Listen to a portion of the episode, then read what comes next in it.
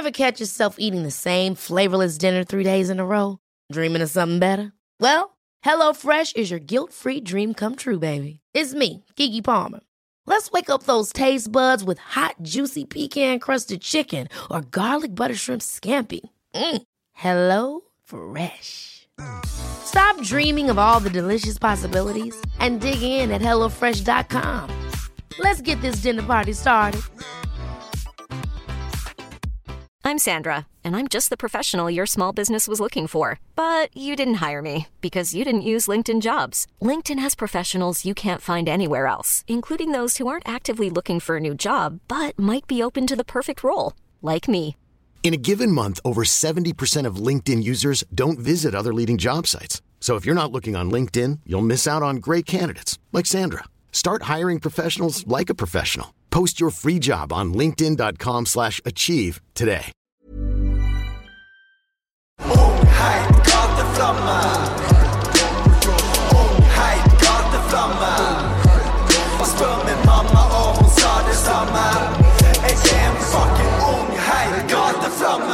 Ja, shit. Mm, eh, jag, eh, vad heter det? Jag satt och tittade på den här första intervjun vi gjorde. Kommer du ihåg den? Nej, jag kommer ihåg vi var, i, vi var i ett hotellrum. Vi var ett hotellrum, jag hade rosa på mig. En Ja. rosa tröja på mig, det minns jag. Det är Göteborg. Göteborg, ja, exakt, Mm. exakt. Och vad heter det? mm, Jag tror det var 2018 eller någonting. Och jag kommer ihåg att du gjorde inte så många intervjuer på den där tiden. Nej, precis. Så jag, jag kommer ihåg att du var liksom fett stressad. Och, ehm, och jag tänkte att shit, ja men Ricky är en stor artist. Han har ju hur många views och streams. Men jag kommer ihåg att du sa då att du fick liksom ingen support och du gjorde liksom inte intervjuer. Nej, precis. Selv om du var liksom... Ja, jag var helt utanför industrin. Helt utanför industrin. Det var bara jag och producenten och, och managern. Och ut på Youtube och ut på Spotify. Ingenting mer än så. Men vad tror du grunden till det var? Jag vet inte, jag kanske inte var accepterad bara. Eller jag kanske inte var... Ja, alltså det är svårt att säga. Jag, jag var inte från huvudstaden. Jag kommer från en liten stad utifrån. Från Västerås. Kanske därför. Jag vet inte, det är svårt att säga. Men, men har det ändrat sig? Alltså, känner du att det har ändrat sig? Eller känner du fortfarande att du är lite utanför? Alltså det har ju ändrat sig på, på vissa sätt. Nu får jag ju mycket intervjuer och sånt. Men det tog tid tills jag fick TV tv-intervjuer. och Som mainstream? Exakt. Ja. Eh, det är klart jag känner mig fortfarande lite utanför industrin men, men vi jobbar på det. Nu, särskilt nu när jag med, jobbar med Warner också. Så det öppnas lite andra dörrar. Jag, jag är där och tar emot dem. Liksom. De Ja. chanserna jag får. Men när var det det ändrade sig? Ganska nyligen. Alltså det var typ kanske en, två, tre veckor sedan. Nej, kanske två, två tre månader sedan tillbaka. Okej. Som det ändrade sig liksom. Och det, det är roligt för jag vill ju, jag vill ju göra allt det här. Ja. Jag vill ju också veta, prova på. Jag har aldrig varit i tv. Nej. Så för mig är det kul. Berätta lite om hur ditt liv och din karriär har ändrats sedan vi träffades första gången och till nu.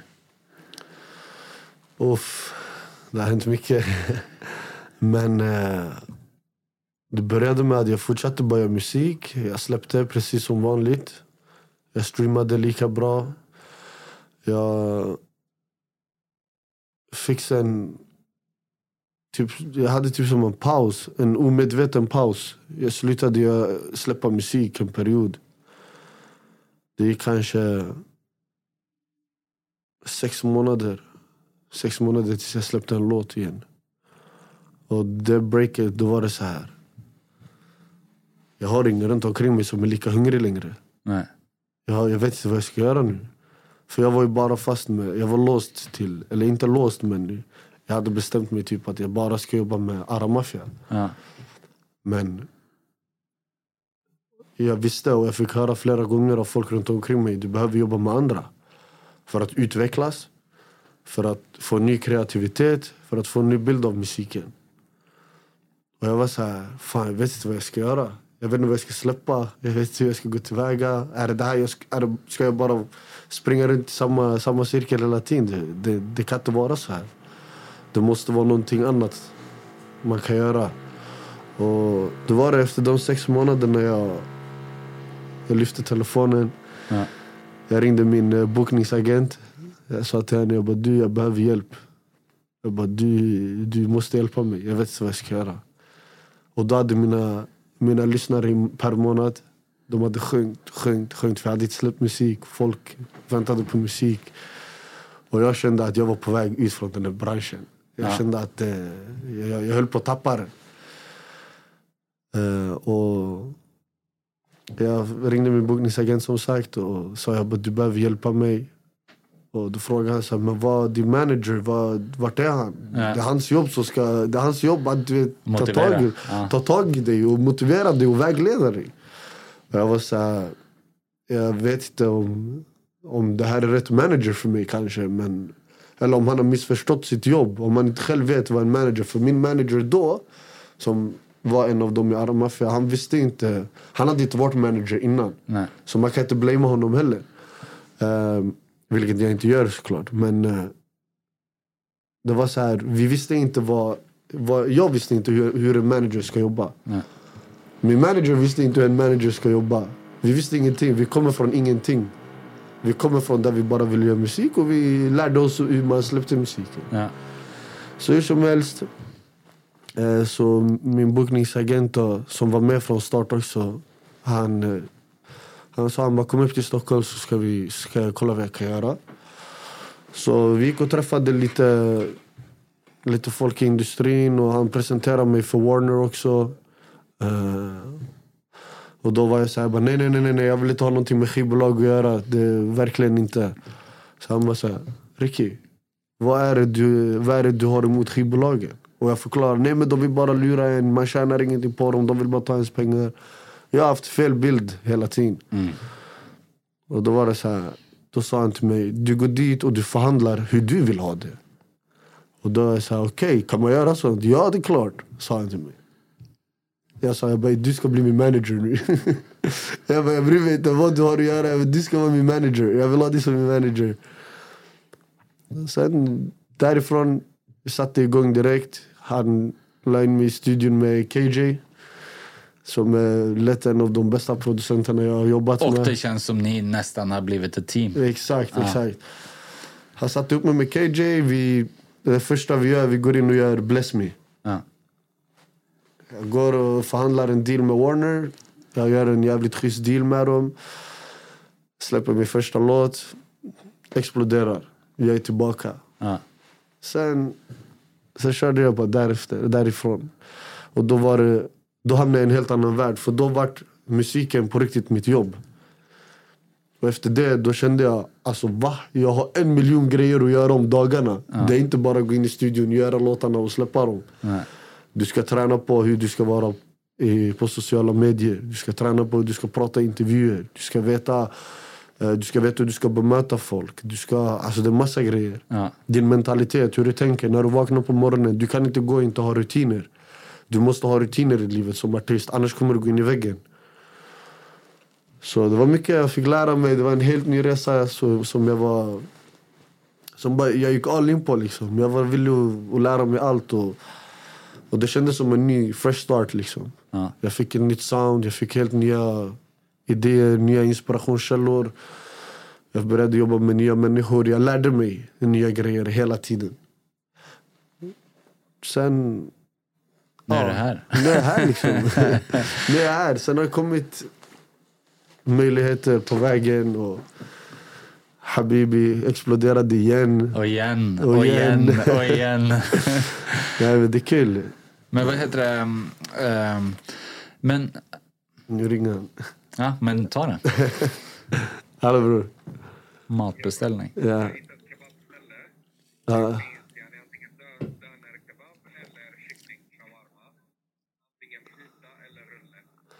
Ta, det finns lite eh, sån kebabtallrik yani, med pommes. Döner, dönertallrik. Kolla, med pommes eller med ris. Eh, annars ta, annars ta pita om det inte finns. Ja, kebab, kebab. Hörs! Vill du ha kebab eller kyckling? Kyckling han vill ha. Ja. Vill, vill ni ha någonting? Är ni hungriga? Nej, det går bra. Ja, Okej, nej. Okej då. Ja brorsan. Vi borde ju köra live review av maten. Men det är ju eh, riktigt stor skillnad på kebab i Norge och i Sverige. Pizza i Norge och i Exakt, Sverige. exakt. Det är Jag, stor jag, skillnad. jag åt pizza nu när vi var där borta. Det var inte bra alltså. Nej. Det var inte nice. Kebab jag har inte ätit i Norge än, så vi får se nu hur det smakar. Ja. Men det är ju för att ehm, eh, när kebaben kom till Norge Mm. så var det ehm, pakistansk eh, kebab. Så det är farskött i Okej. sån här hackad i klumpar. Ja, det har jag aldrig Och, men med i. Sverige så är det turkisk med Exakt. dönerstrimlor. Så, Mm. ja. Ja, vi får se. Vi får se. Men ja, för det var det jag hade liksom när det kommer till vad som har hänt sedan sist så är det detsamma jag också har liksom noterat det att liksom, ja du eh, brutit med ditt gamla team, du har funnit ett nytt, du har gått från independent och förra gången vi pratade du var verkligen independent, independent, Exakt, independent. Eh, och nu är du på Warner Music. Eh, Eh, men låt oss prata lite om hur du har ändrats, alltså hur ditt musikskapande har ändrats. Alltså, om vi säger det så här att när jag jobbar med nya människor, de har ett annat typ av sound, en annan typ av produktion. Det ger mig nya vägar att kunna gå med mina melodier. Kanske mitt, jag, jag utvecklar mitt textförfattande, vad jag säger i låtarna. Och det är mycket som påverkar, bara av att jag hör skillnad på produktionen. Så produktionen har spelat stor roll i min musik. När jag hör ett beat, den styr mig. Ja. Det är den som ger mig känslor till att prata om dem. Liksom. Ja. Och melodierna kommer också med känslorna och viben. Vad det är för vibe. Liksom. Men har, har det alltid varit så? Det har alltid varit så. Men det var så enformat när jag var med en och samma producent i tre år. Ja. Så, när, så blir det ju slut på melodier och idéer och kreativitet. Ja. Det tar ju slut. Så när jag träffade nya, eller jobbade med andra, då kom det, öppnades nya dörrar helt enkelt. Ja. Så det är som ett maskineri som bara blev större och större och större. Och det är ju en, alltså det är en muskel. Mm. Man måste träna den Precis, också. så är det. Så är det. Ehm, men eh, ehm, vi var ju nyligen, eller nyligen, that's a lie. Eh, för en stund sedan så var vi i Sverige och så hade Warner den här eh, eh, sångcampen med skandinaviska producenter, artister. Precis. Och det var första gången jag har varit i studion när du har gjort musik. Och det, det som verkligen slog mig var att du, alltså du är en maskin. Alltså, och det var det, när jag pratade båda med de norska och de danska som hade jobbat med dig för första gången. Att liksom shit, det bara kommer melodi, melodi, vi kan göra massor med tracks. har det varit så hela tiden också? Eller är det den där muskeln som har tränats? Det är, mus- det är muskeln som har tränats. Det är muskeln som har tränats. Det så, jag, hade, jag hade lätt för det förut också. Men det var enformat. Det, var, det, var inte, det var inte lika brett. Idag jag kan gå in i studion, jag kan göra 12 låtar. Alltså idéer. Ja. Och jag vet att varenda låt är potentiell till att bygga och jobba på. Ja. Jag kan... Jag, jag behöver bokstavligt talat tre, tre tagningar bara. Om jag tar fram ett beat till mig, ge mig tre chanser att spela in. Ja. Jag har hela... Jag har hela toplinen färdig. Kallar det för topline. Ja. Det enda som behövs då är text. Sen vi är klara med en låt. Men hur har textskrivandet ändrats? Den har faktiskt varit lite trögare med att ändras. För det, jag har alltid sagt till mig att jag behöver börja läsa böcker. Ja. Och det är lite svårt. Den går för- ut till väldigt många rappare. Ja, precis. Nej men jag försöker. Jag försöker. Man, alltså, man tränger ju flera perspektiv. Resa, läsa böcker, se på filmer, Precis, leva precis. livet. Precis. Och jag har levt ett, jag har levt livet på en rush. Alltså jag har sett många delar av världen på kort tid. Jag var bara i Dubai sju gånger på ett år. Jag var i Nigeria, jag var i Frankrike, Spanien, Tyskland, överallt. Så jag har sett mycket och gjort mycket. Och det har gett mig också, det har utvecklats min text, det har utvecklat min textförfattning, mitt ordförråd. Vilket gör att det kommer nya texter också. Ja. Eh, men den, den är den svårare biten för mig att träna. Den är den svårare muskeln att träna om man säger så. Melodin är lättare för mig för att jag har mer Jag bryr mig mer om melodierna än texten. Ja. Det är det som är mitt problem kanske. Inte inte problem men ja, det är det som är min grej liksom. Ja. Men jag tror, det, jag tror det är svårare att om du är fast i text och så lära sig melodier. Jag tror det är enklare att Exakt, den vägen exakt. du har gått. Precis, precis. Det, det håller jag med om. För om, så länge du har melodierna på plats. För när jag gör melodierna så kommer det ord. Det kommer vissa ord som... Jag, jag freestylar basically. Jag freestylar när jag gör mina melodier och då är det vissa ord som kommer. Då blir det lättare för mig att lägga text på det. Okej men jag sa, jag sa det där ordet, då kan jag bygga runt omkring det. För det där ordet det passade in nice. Så ja. Men du har ju verkligen brutit liksom, vad heter det, språkbarriärer. Alltså hur din musik har liksom tagit dig hela världen runt. Och liksom när vi träffades första gången så var ju Habibi en, alltså inte liksom kommersiell hit, men det var ju en liksom hit in the streets här också. Liksom. Precis. Och det har ju varit så hela vägen. Och när vi... Du slutade förra intervjun med att säga eh, i början tänkte jag Sverige, nu tänker jag Skandinavien. Och nu har det kanske blivit... Nu förr tänk- tänkte jag Skandinavien, nu tänker jag världen. Exakt, nu tänker jag världen. Men tänker du liksom, alltså, kommer du köra på svenska hela tiden eller kommer det en switch up nu? För det känns som... Alltså det är svårt för att jag, jag har ju fortfarande mina fans, en stor del av min fanbase i Sverige som jag inte heller vill svika. Jag vill inte att de ska känna att nu har han börjat sjunga på engelska till exempel. Och, och många av mina fans kanske inte förstår mina metaforer eller vad jag, alltså meningen med det jag säger. För det är inte alla som kan engelska heller. Nej. Eh, och sen är det mer skönt för dem att höra svenska. Det, det kanske är mer bekvämt i deras öron. Särskilt nu, kolla i Sverige, det är bara svensk musik folk lyssnar på. Ja. Kolla topplistan, majoriteten är svenska låtar med svensk text. Så det är en bekvämlighet för svenskar också att höra svenska. Och jag har sagt till mig själv att jag aldrig kommer sluta sjunga på svenska. Men det betyder inte att jag inte kommer köra på engelska också. Ja. För... Men det fanns ju en tid när du sa att du inte kommer att sjunga eller alltså ting ändrar sig. Och, Man vet aldrig. Det är Nej. svårt att säga. Jag, min mentalitet, så som det var förut, den är inte samma idag. Idag Nej. jag är mer, jag är mer beredd. Jag, mer, jag är smartare idag än vad jag var förut. ja, Förut var jag så här. Nej men det här är vad jag känner för att göra och det här är vad jag ska göra. ja, Nu ibland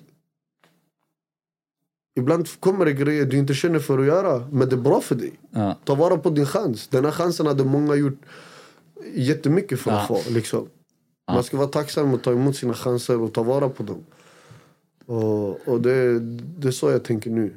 Men du har ju också liksom, alltså, eh, vad heter det, sättet som din musik har spridats är ju lite, alltså det känns ju som paralleller till fransk rap eller, alltså, jag förstår inte franska, men jag lyssnar jättemycket på franska. Precis. Och det, det känns inte, när liksom melodierna, och jag kan på något sätt liksom, jag kan höra att det är bra rap Precis. fast jag inte fattar. Så det känns ju också som du är liksom ja, en av dem som, som okej, Du kan bara köra på svenska, det fungerar i andra länder. Precis. Det räcker med kanske ett ord, ett eller två ord som folk har hört eller, eller förstår. Typ Habibi, det är brett. Ja. Alla vet vad Habibi betyder. Kanske inte alla men många, Men, men, nu, må- många, flera många, flera. många överallt i världen Ja. vet vad Habibi betyder. Det är ett jättestort ord. Så för mig, det är, så här, det, är det enda som räcker. Mm. Kolla nu. Albanian remix. Ja. Den streamar jättemycket i Indien. Ja.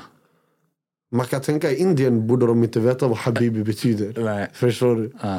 Och det är albanska och sen är det bara trummor och, melodier och, Ja. i själva låten. Varför går den låten hem så bra? Ja. Där i Indien. Den streamar jättemycket i Indien. Ja. Man vet inte. Jag vet vad jag brukar säga. Jag brukar säga att musiken är sitt, har, är, är sitt egna språk. Liksom. Ja. ja, men det tror jag också. Så, så som vi lyssnar på fransk musik. Vi fattar inte någonting utav vad de säger. Ja. Men det låter så nice. Ja. Man känner, man vet, det här är bra musik. Jag, hade, ehm, jag hade ett samtal med din manager när vi var i London. Och han sa liksom att varje gång ni tänker att Habibi har liksom maxat eller liksom nått ett tak Exakt. så boom, nästa nivå, nästa nivå. Och att det hade ändrat hur han tänkte musik. Att, för det har blivit lite så med Spotify, att du släpper någonting på Spotify, om den inte går bra så är den död. Och så keep it moving. Och att det hade liksom fått han till att tänka att en, en låt är aldrig död. Nej, om den är bra, den är aldrig död. Den kan blåa Nej, om tio år eller... Exakt, exakt så. Ja, det är så. Sen är det ju mycket, mycket nu på grund av TikTok också. Ja, TikTok har ju samlat hela världen liksom. ja. Till en och samma plats. Och hela tiden gamla låtar blowar all over again. Precis, precis. Så det är också, det är också chanserna blir större nu. Och jag tycker det är nice för nu känns det som att det börjar bli flera artister utomlands som är stora som börjar göra collabs med olika andra länder. Eh, det finns en låt som, som Tory Lanez och, eh, och en, en från Indien, Ja, ja, Diljit, Ja. har släppt. ja. När såg man att en från USA och en från Indien gör en låt ihop? Jag, jag vet inte. Jag har aldrig sett. Jag har aldrig haft liksom redan på, vad heter det, på indisk rap. Nej. Men nu, helt plötsligt, jag har det. Så jag tycker det är riktigt nice att folk från olika länder börjar kollaba. UK kollaba med italienare, tyskar kollaba med fransmän. Och nu svenskar ska också kollaba med alla. Men alla också för att, vad heter det, för att eh, svenska, däribland du, har fått så stora tal. Så, så när vi var i, i eh, London, de pratade massa om svensk rap. Ah, den här rapparen, den här rapparen. Och det känns som, det känns som liksom, just nu så är det att vara en svensk artistrappare är en liksom eh, eh, något som folk liksom eh, känner till, som de vill jobba med. Det känns som... Precis. Man, svensk musik har blivit mer respekterat. Man har fått ögonen för det. Och det är riktigt kul faktiskt. Jag gillar det. Och du har ju fått en skärskild plats där. För att, okej, den här Habibi-låten har gått bra, den har spridits hela världen. Nu med den här arabiska också. Har du sett den? Den trendar nu med någon arabisk version på... Har du inte sett den? Arabisk version på Habibi. Ja? Nej, det är albansk. Det Nej, alba... den Don't Stop Now-grejen. Va? Två sekunder. Vad är det jag missar? Är den en albansk? Nej, den är inte det. Den är inte det. Ja, det albanska remixen. okej. Det är albanska remixen. Ja, för det är helt plötsligt en massa arabiska som gör på den. Precis, det, är den, det är den jag pratar om också som har Har gått till Indien. gått till Indien Okej, okej. och Thailand och uff, överallt nu. Ja, vad Ja, heter men det är det? kul. Det är kul. och eh, vi pratade om det för du eh, kom att och med hela kommentarfältet på alla de här TikToksen är svennar som bara ah, han är svensk, det är svenska. Det är liksom verkligen någon, eh, vad heter det, nationalkänsla. Precis, precis. Det kan man se också i kommentarsfältet jag, jag såg en gång, eller min vän visade mig faktiskt. Då var det en massa albaner som sa ah, men han har tagit en albansk låt. Ja. Där Ricky Rich han har tagit från en albansk låt. Och jag tycker det är kul för att svenskarna går in och skyddar mig. De säger Ja. nej du vet inte vad du pratar om, det här är Ja. en svensk låt. Det här det släpptes för fem år sedan innan ni ens visste vad det var liksom. Ja. Det är riktigt roligt Innan faktiskt. du var född. Innan du var född. Ja, men det var det vi också pratade om. Att Mm. liksom, för folk de skriver så ah, kanske det är franska, kanske det är albanska, kanske det är, och så är det alltid någon svensk som bara nej, Mm. Nej, du vet svenska." inte, han är våran. Ja, det var det, ja. ja, det är roligt, det är roligt. Men du har ju också gjort jättemånga, eh, eller jättemånga, du har gjort en del internationella samarbete också. Du har ju den här Metro Games och eh, och du gjorde den här eh, Body remixet och så det, det känns ju verkligen som okej, du har, som du sa, du har fått en möjlighet och nu måste du Nu måste jag ta den, ja. Precis. Jo, men det, det har varit riktigt roligt faktiskt. Alltså, en future med Matre Games. som är crazy. Alltså, när jag var fem, sex år, det var det enda jag lyssnade på. Jag lyssnade på alla hans låtar. Och för mig att gå in i studion med Matre Games och höra han live, se han live och sjunga i studion. Och jag vet att han spelar in på min låt. Ja. Det där var... Det går inte ens att beskriva liksom, känslan. Där. Min familj, alla vi har lyssnat på, hela min släkt, vi alla har lyssnat på Matre Games. När man kommer hem, vi visar hela familjen musikvideon. Min syster börjar gråta, min andra syster börjar gråta.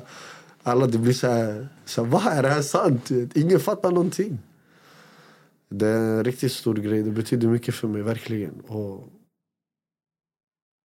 och efter det här, jag har sagt till mig själv, jag kommer inte tacka nej till någon möjlighet. Nej.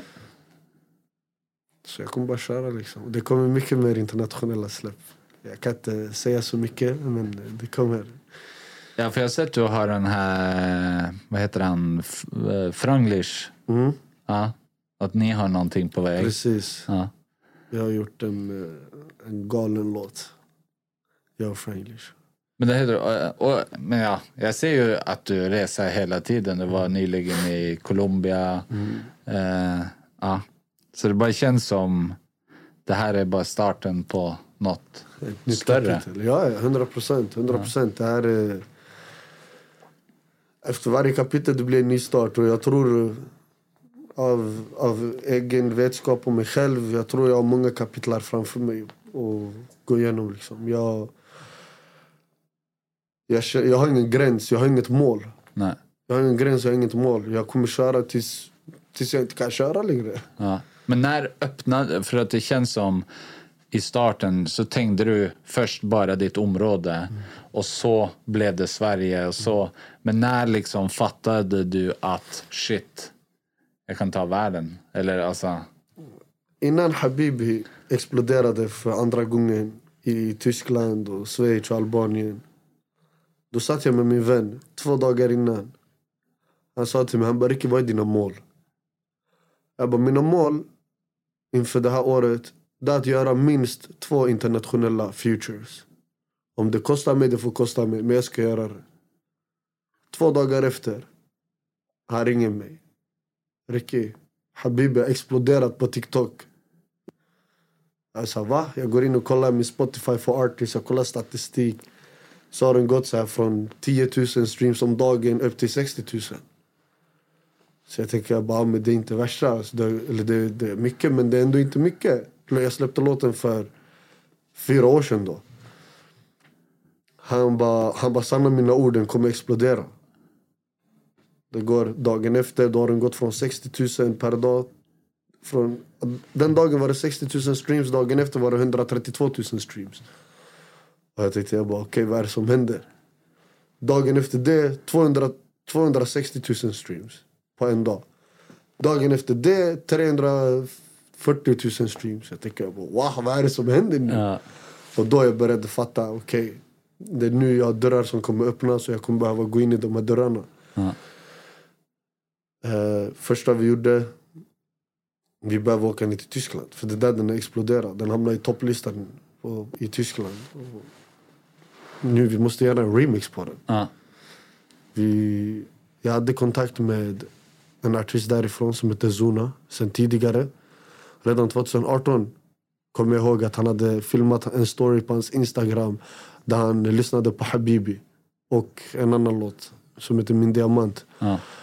Som du också släppte.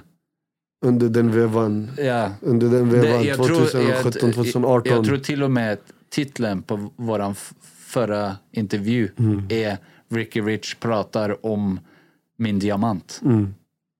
Ja, det har jag, det har jag ett svagt minne av. Men ja. Ja. Så jag hade redan lite kontakt, eller han... Jag skrev till han då, Zona, 2018. För för mig det var så här, Det var värsta grejen att han lyssnade på min musik. För jag hade lyssnat på Zonas musik också sen jag var liten. Så vi hade en connection, så när, när Habibi blev i Tyskland då var det så här, okej, jag vill ha Zona i alla fall på remixen. Vem mer ska vi hämta in? Och då rekommenderade de mig Dardan också. Och så lyssnade jag på Dardans musik och jag tyckte han var jättefet. Ja. Alltså han var riktigt fet artist. Så sa de, de bara, men vi kör. Dardan och Zuna så gör vi Habibi remix. Vi gjorde den. Släppte den. Den streamade typ 600 000 första dagen. Tänker, oh my god. We back. For real. När det här eh, hände, alltså när eh, Habibi blowade on andra gången, hade du då liksom ditt nya team och ditt nya setup redo? ja. För tror du att du hade fått till de här om du inte hade det? Eh, nej, jag tror inte. För mitt team har varit de som har A lot can happen in three years, like a chatbot may be your new best friend. But what won't change? Needing health insurance. United Healthcare Tri Term Medical Plans, underwritten by Golden Rule Insurance Company, offer flexible, budget friendly coverage that lasts nearly three years in some states. Learn more at uh1.com. Many of us have those stubborn pounds that seem impossible to lose, no matter how good we eat or how hard we work out. My solution is PlushCare. PlushCare is a leading telehealth provider with doctors who are there for you day and night to partner with you in your weight loss journey. They can prescribe FDA-approved weight loss medications like Wagovi and Zepbound for those who qualify. Plus, they accept most insurance plans. To get started, visit plushcare.com slash weight loss. That's plushcare.com slash weight loss. Hiring for your small business? If you're not looking for professionals on LinkedIn, you're looking in the wrong place. That's like looking for your car keys in a fish tank. LinkedIn helps you hire professionals you can't find anywhere else, even those who aren't actively searching for a new job but might be open to the perfect role. In a given month, over 70% of LinkedIn users don't even visit other leading job sites. So start looking in the right place. With LinkedIn, you can hire professionals like a professional. Post your free job on linkedin.com slash achieve today. Ever catch yourself eating the same flavorless dinner three days in a row? Dreaming of something better? Well, HelloFresh is your guilt-free dream come true, baby. It's me, Kiki Palmer. Let's wake up those taste buds with hot, juicy pecan-crusted chicken or garlic butter shrimp scampi. Mm. Hello Fresh. Stop dreaming of all the delicious possibilities and dig in at HelloFresh.com. Let's get this dinner party started.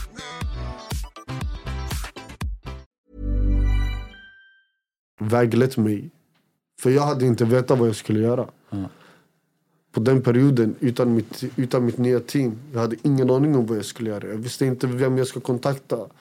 Vem jag, vem jag ska träffa, vem jag ska prata med. Jag hade ingen aning. Vad, är, vad, vad vet jag? Jag kommer från Råby, jag kommer från en ort som heter Råby. En liten ort. Folk vet inte ens, folk vet inte ens om oss som är därifrån. Det enda vi, vi visste bara var att det finns musik som vi lyssnar på och vi hade möjlighet att göra musik och släppa. Mer än så vi visste inte. möjligheter, chanser i livet. Hur stor är chansen att kunna bli stor inom, inom musikvärlden? De fanns inte ens. Så de tankarna fanns inte. Men sen som sagt, det var då, det var då jag, jag tänkte okej, det finns inget tak längre. Det är bara att köra så gott det går. Liksom. Men det är ju också eh, grunden till att jag frågade är ju att det är så viktigt med att ha ett team som backar, som, som känner sina roller, som... Som samma hunger. De ska ha samma hunger, samma energi. Man måste vara på samma nivå. Annars om, om en har lägre, lägre energi, om en är mer bekväm, då han kan dra ner den, den andra.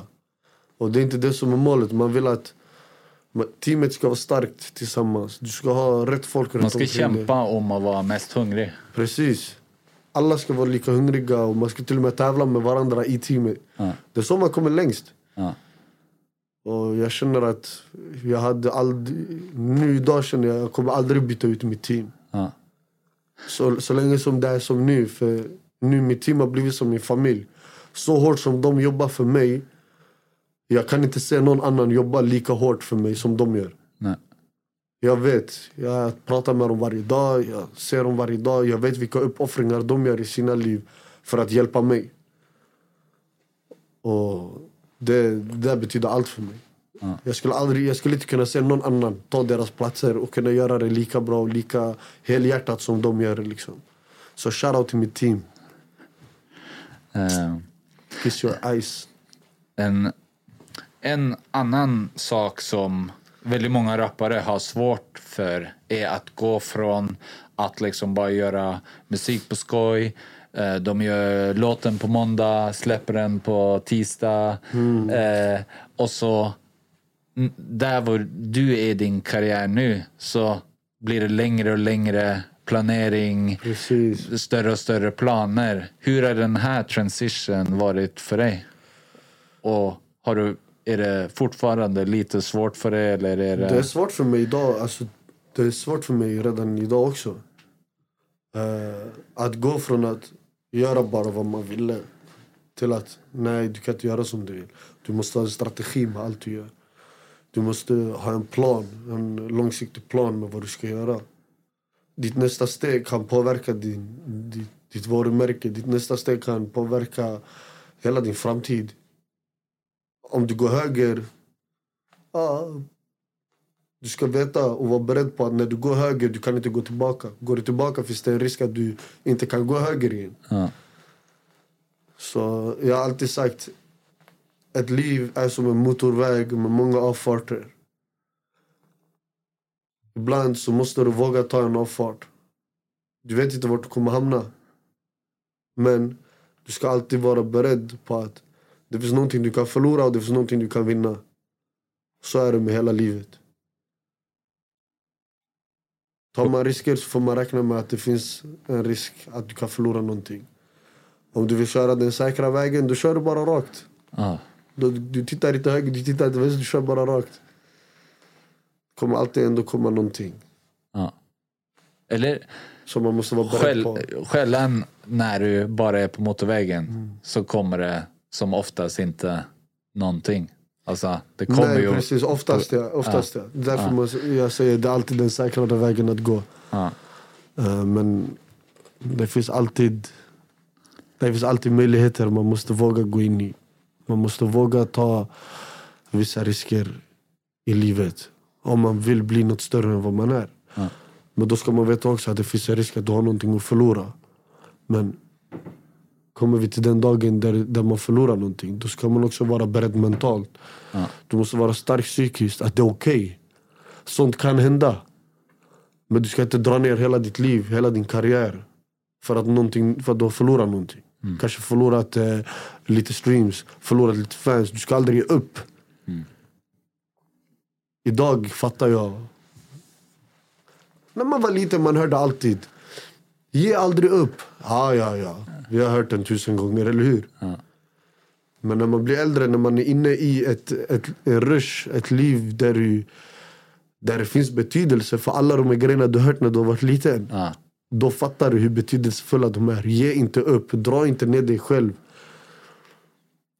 Att gå in i en vägg, det, det är jobbigt psykiskt. Jag har varit på väg att gå in i en vägg. Det kan jag, kan jag erkänna. Ja. Jag tog mig ut den där väggen.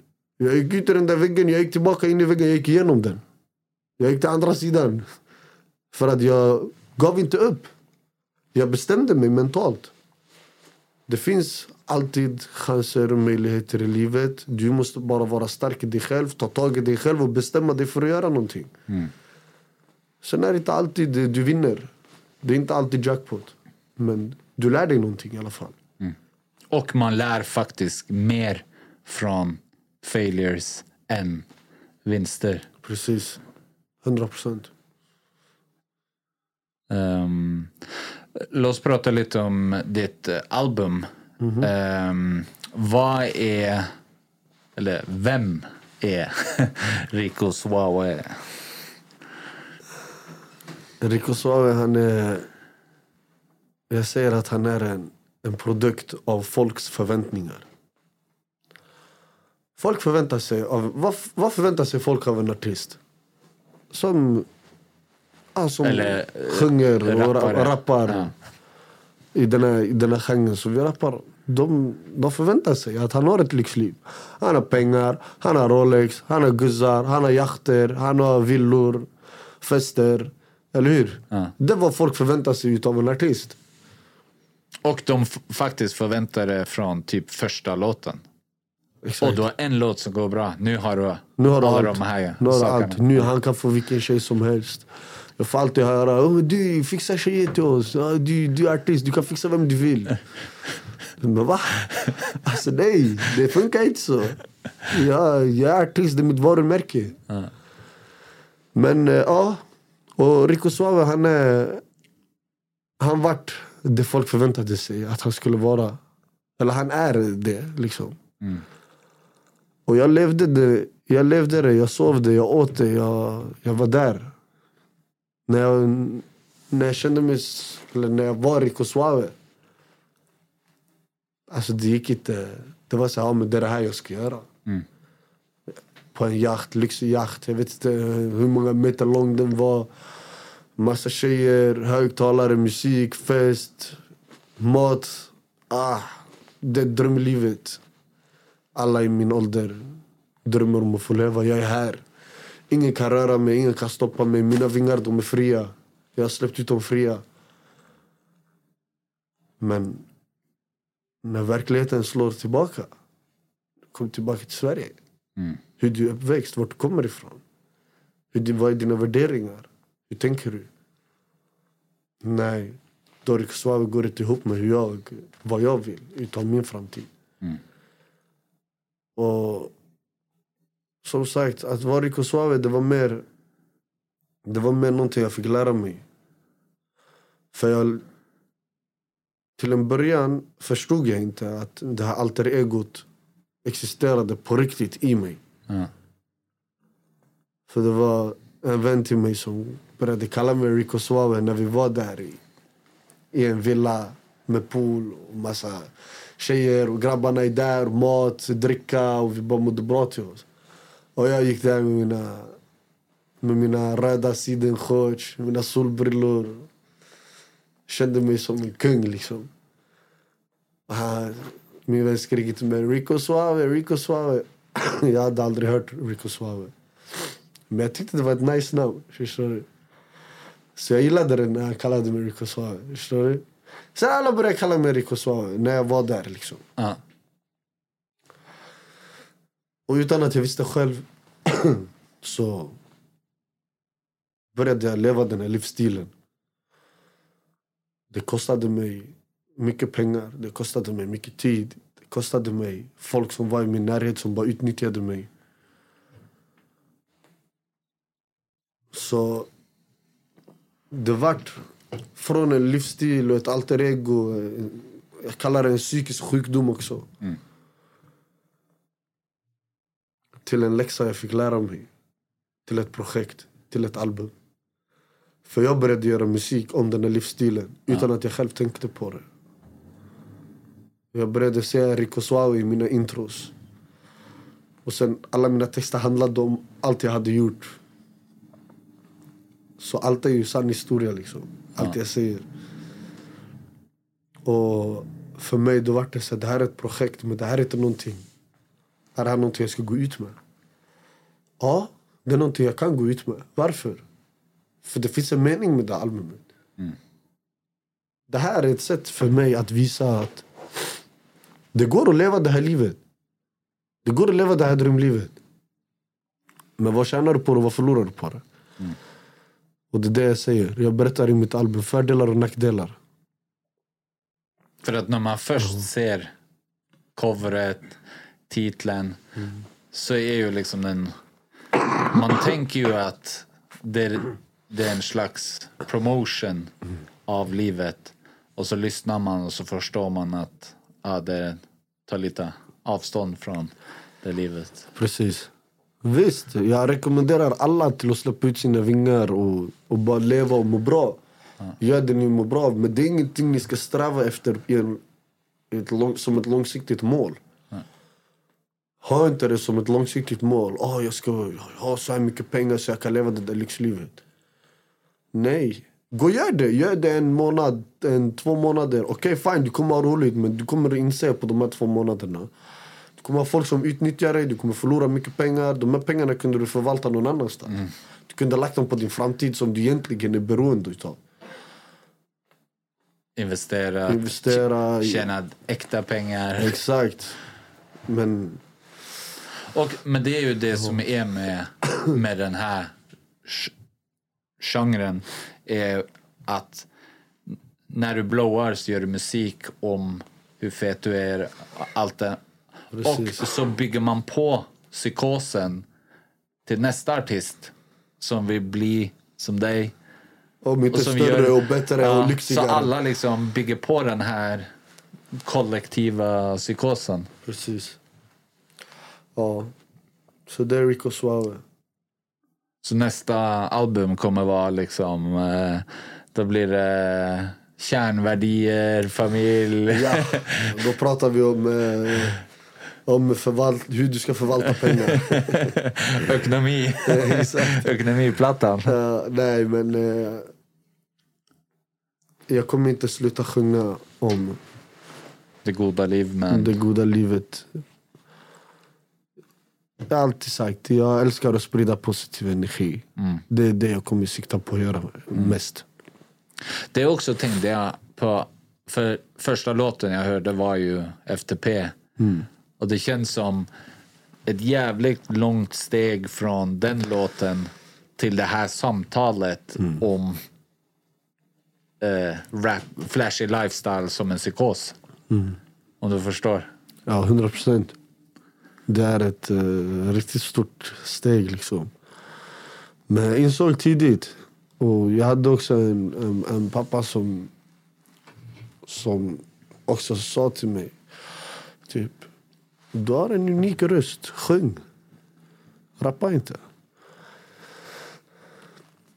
Sjung om någonting positivt istället. Det, ger dig, det kommer ge dig mer i framtiden. Och jag var så här, men va? Jag gör ju det här bara för grabbarna. Det är ingenting jag gör. Det är ingenting, jag kommer inte bli artist. Förstår du? Men eh, det satt ju det satte sig. Och jag provade på. Jag gjorde Habibi. Den gjorde sitt. Och jag vart där, hamnade där ändå. Så ja, jag har haft familjen. Min mamma också som jag har mycket respekt för. Mina systrar har jag mycket respekt för. Jag bara kände för att jag inte kan. Jag kan inte prata om det här med gatan och sen komma hem och sitta vid matbordet med min familj. Och låtsas som att de är okej med det jag säger i låtarna. Nej, kan inte. Och det känns som också, vad heter det, um, den här resan som också, också svensk rap har varit igenom. Att det var liksom, när du kom upp och i fem år efter det så har det varit liksom vem som helst kunde rappa om gatan. Det blev eh, hit, fick eh, views, Precis. streams. Och det blev så mycket av det att ja, det bara känns kö- skönt att nu börjar folk att gå different paths. Och, och jag säger inte liksom inte rappa om gatan eller det där livet men det bara känns som det har blivit mycket mer diverse. Precis, För det precis. känns- Ja, men det är så. Det är så, det är så. Och så tror jag också kanske att svensk rap blev så stort för att alla springde åt samma håll. Att det blev ett sound med många. Det gjorde det stort och när det blev stort så kunde man... Ja. Precis. Ja, men så är det. Vad är grunden till att det bara är Jireel som är feature på albumet? För att du har ju andra du kunde... Ja, ja, 100 procent. Uh, jag tänkte att vi bara kan ta en paus. Jag behöver gå på toa. Ah, 100 procent. Du kommer ihåg frågan eller ska vi ta Ja. den på nytt? Jag kommer ihåg den. Jag har tänkt på svaret. Ja. Nej men eh, tanken var ju först att vi inte, eller att jag inte skulle ha någon future alls på plattan. Så... Ja, men jag var i Colombia med Irel. Och en av låtarna jag gjorde där, jag hörde han, alltså jag hörde han bara lägga bars. När jag spelade in låten. Under tiden i studion. Tänkte jag bara, eh. Du, spela in, spela in, spela in. Uh, det var bara en vibe i studion. Och texten och allting, det bara gick ihop. Det gick ihop och, och jag var så här, den här... Alltså, från ett till tio, spår ett till tio har sin mening. Alltså, de är där de ska vara. Det, det gick ihop som en röd tråd bara. Allting. Det Jireel säger i, i versen också. Och med hela tanken och hela projektet i helhet. Så det funkade bara perfekt. Så jag bestämde mig för att det ska bara vara så. Men det känns så också som ni är lite på samma vibe. Ni hänger rätt mycket ihop.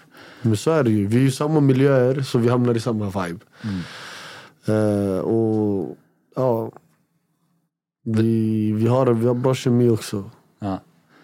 Ehm, shit, det var någonting du sa som jag bara... jag bara jo. Ehm, men det här i 2022, att göra en album med en röd tråd. Det är ju svårt för att okej, du har den här tanken om att okej, om du lyssnar från första till spår 10 så, ehm, så ska du fatta. Men sanningen är ju att de flesta hör en singel eller... Så är det. Så är det. 100 procent. Det, det är hur det är. Men sen så finns det de lojala fansen som, som lyssnar igenom från 1 till 10. Man ska inte i mitt fall räkna med heller att albumet ska streama flera miljoner. Att det ska explodera. Det är inte det som är tanken heller. Jag vet att varenda låt, varenda låt i mitt album, jag vet det är jättebra, alltså alla låtar är jättebra låtar. Jag har aldrig varit så här nöjd med de låtarna jag har gjort. Jag har själv lyssnat på mitt album. Jag är ärlig om det. Jag tycker varenda låt i mitt album är jättebra. Och jag är jättestolt över, att, över mig själv att jag har gjort de här låtarna. Jag har aldrig känt så här över min musik. Jag tycker inte ens... eh, Många, majoriteten av mina hits är på samma nivå. Och då är det för att jag verkligen har jobbat med mitt album. Jag har suttit, jag har kämpat. Det har gått flera dagar. Jag brukar göra en låt på en timme. Men de här låtarna, jag har kämpat flera dagar. Jag har suttit, jag har gått hem, jag har lyssnat, jag har tänkt om. Kanske ändra den här meningen, det kanske blir lättare att fatt, förstå. Det har varit mer tid man har lagt liksom. Och, Vad har feedbacken varit från de här hardcore som lyssnar? Jag har faktiskt inte fått någon dålig feedback alls. Nej. Och, och då, är inte, folk, då räknar jag inte bara med feedback jag har fått direkt till mig. Utan feedback mina vänner har fått. Folk runt omkring mig har fått. De som har lyssnat på min platta har, har sagt att varenda låt är jättebra. Och det är alltid någon som de tycker om extra mycket. Bättre? Ja. Och det är så, här, så länge de tycker alla låtar är bra och inte någon säger att ah, men den där låten var jättedålig. Då är jag nöjd. Alltså, då känner jag så här, du kan vara, då vet jag att jag har gjort bra låtar. Liksom. Om du ska plocka en sak som du vill liksom, okej det här ska jag jobba på. Alltså jag, jag gillar inte, om jag ska vara helt ärlig, jag gillar inte släppa album, EPn och sånt. Jag är mer si- singel, singelkille. Varför? Det känns bara mer, man kan lägga, jag vet inte. Det känns som att jag kan lägga hela min själ på en låt. Ja. Och jag vet, jag vet oftast på somrarna, då jag, det är då jag får min, min favoritvibe. När jag gör mina sommarlåtar, den här positiva energin. Det, Sen kommer spelningarna och jag får uppträda de här singlarna jag har släppt och de har gått bra och det värsta auran i publiken. Alltså det är ingenting som kan mäta sig med det. Liksom. Ja. Det där är det bästa jag vet. Så för mig, det, det single game, jag gillar det mer faktiskt. Ja. Men det var kul att göra det här projektet, det här albumet. Jag kommer säkert göra det fler gånger. Och, men vad jag personligen gillar mest det är singel, singlar. Hur, eh, hur tänker du live? För eh, jag måste erkänna att eh, vad heter det? Det är väldigt många svenska rappare som är fett stora med sina låtar, streams. Men när du ser dem live så är det jättedåligt för att det är bara en person som går på scen och bara rappar över sina låtar. Det finns ingen tank, det finns ingen eh, plan, image, precis. någonting. Hur tänker du när det kommer till Jag live? tänker så här. Jag blir bokad. Jag investerar i min live. Jag investerar i min egna liveshow. Jag vet att den här liveshowen kommer leda mig till nästa liveshow. Så kommer leda mig till nästa liveshow. Så för mig, att jag investerar i mig själv, det, det, det är det jag prioriterar. Liksom. Att det ska se bra ut på scenen, det ska låta bra. Jag ska ha en plan med mina shows. Så nu inför mina kommande shower kommer jag ha ett, ett team som hjälper mig att bygga upp mina, mina scener. Då. Varje scen kommer ha en, en show. liksom. Och det kan vara allt från olika typer av LED-skärmar och hur de byggs och formas. Och till eh, skådespeleri på scenen med andra alltså, människor som är med mig. Liksom. Till, till dansare, till dramatiska scener. Alltså, allt möjligt. Jag är jättekreativ och vi håller på nu och bollar mycket idéer vad det är vi kan göra på live, livescenen. Liksom. Ja. Men min största period är att jag ska, jag ska ha så mycket energi som möjligt på scenen. Jag ska ha så mycket energi, jag ska fånga publiken, jag ska låta publiken få vara med och känna det jag känner också. Ja.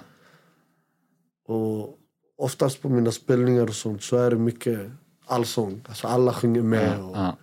och, och sånt där, det gör, det gör kvällen mycket bättre för alla.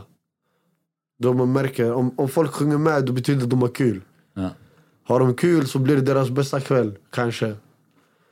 Och det ger mig mer energi till att göra kaos på scenen. Och det är det som gör att din musik varar längre också. Mm. Att den blir soundtracket till någons upplevelse. Mm. Kanske de träffar sin fru, Mm. kanske de, ja, de har bara en kul kväll.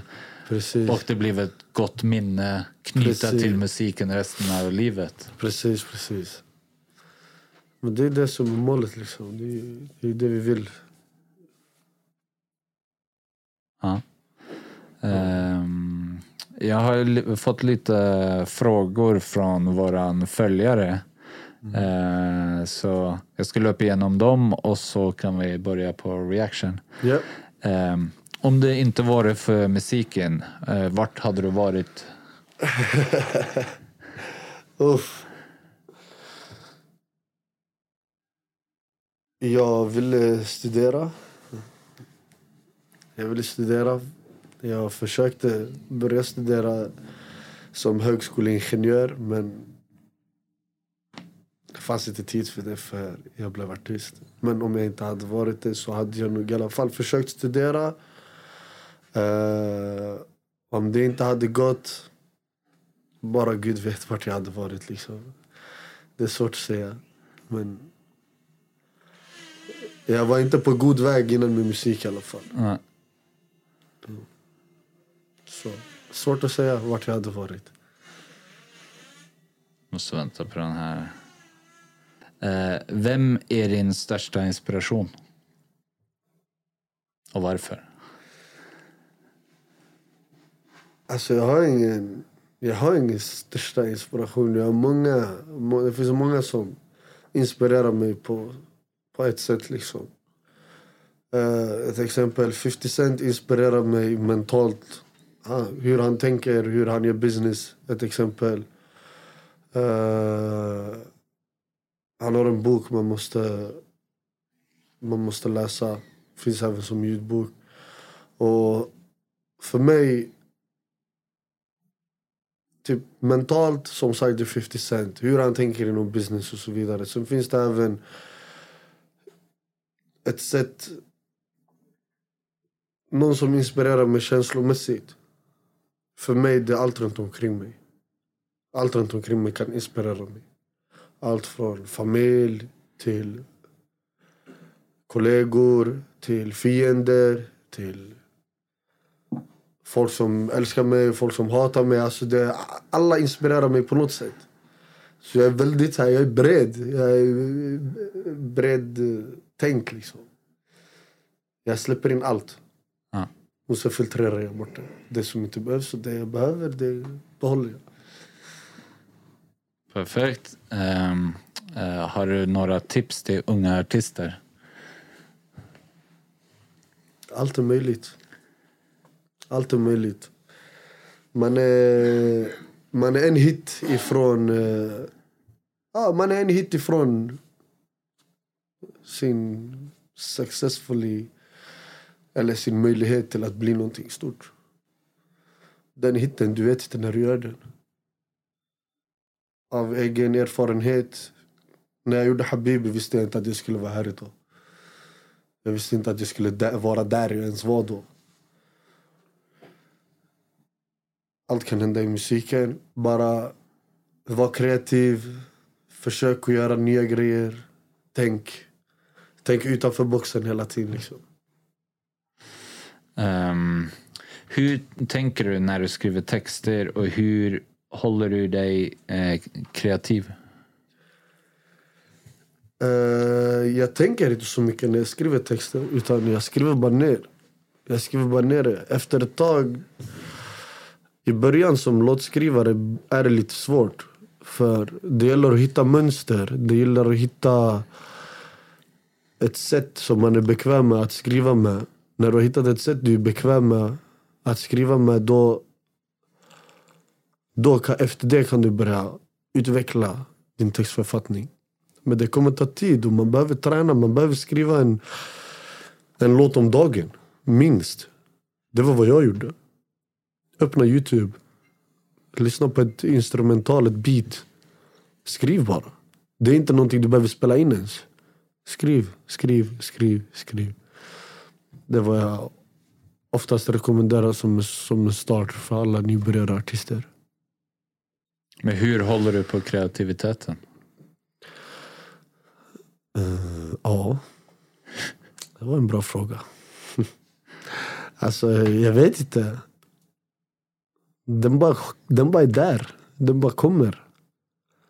Jag, jag är på mycket resor som motiverar mig till att, till att skriva om det jag upplever i livet. Det är typ det. Ja. Eh, vad är next för Ricky Rich? Om vi gör en intervju om fem år. Vart är vi? Vad pratar vi om? Svårt att säga. Jag gillar inte att prata så mycket om framtiden. Men Nej, men jag tror nog eh, vad jag vill. Jag vill som sagt, jag vill höras och synas i hela världen. Och inte bara med en låt, utan flera låtar. Jag eh, kommer förmodligen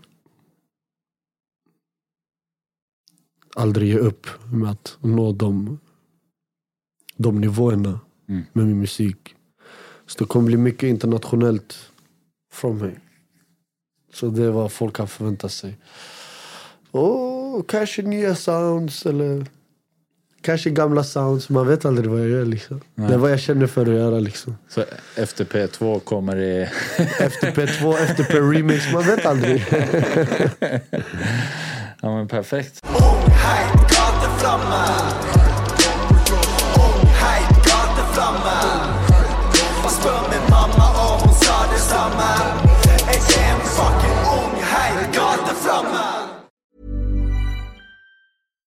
Hi, I'm Daniel, founder of Pretty Litter. Cats and cat owners deserve better than any old fashioned litter. That's why I teamed up with scientists and veterinarians to create Pretty Litter.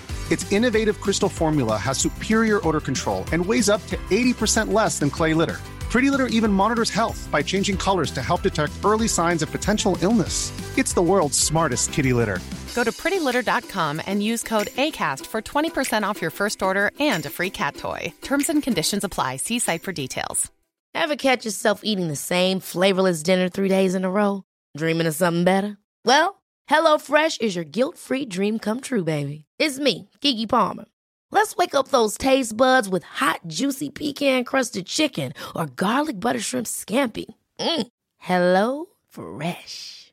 Stop dreaming of all the delicious possibilities and dig in at HelloFresh.com. Let's get this dinner party started.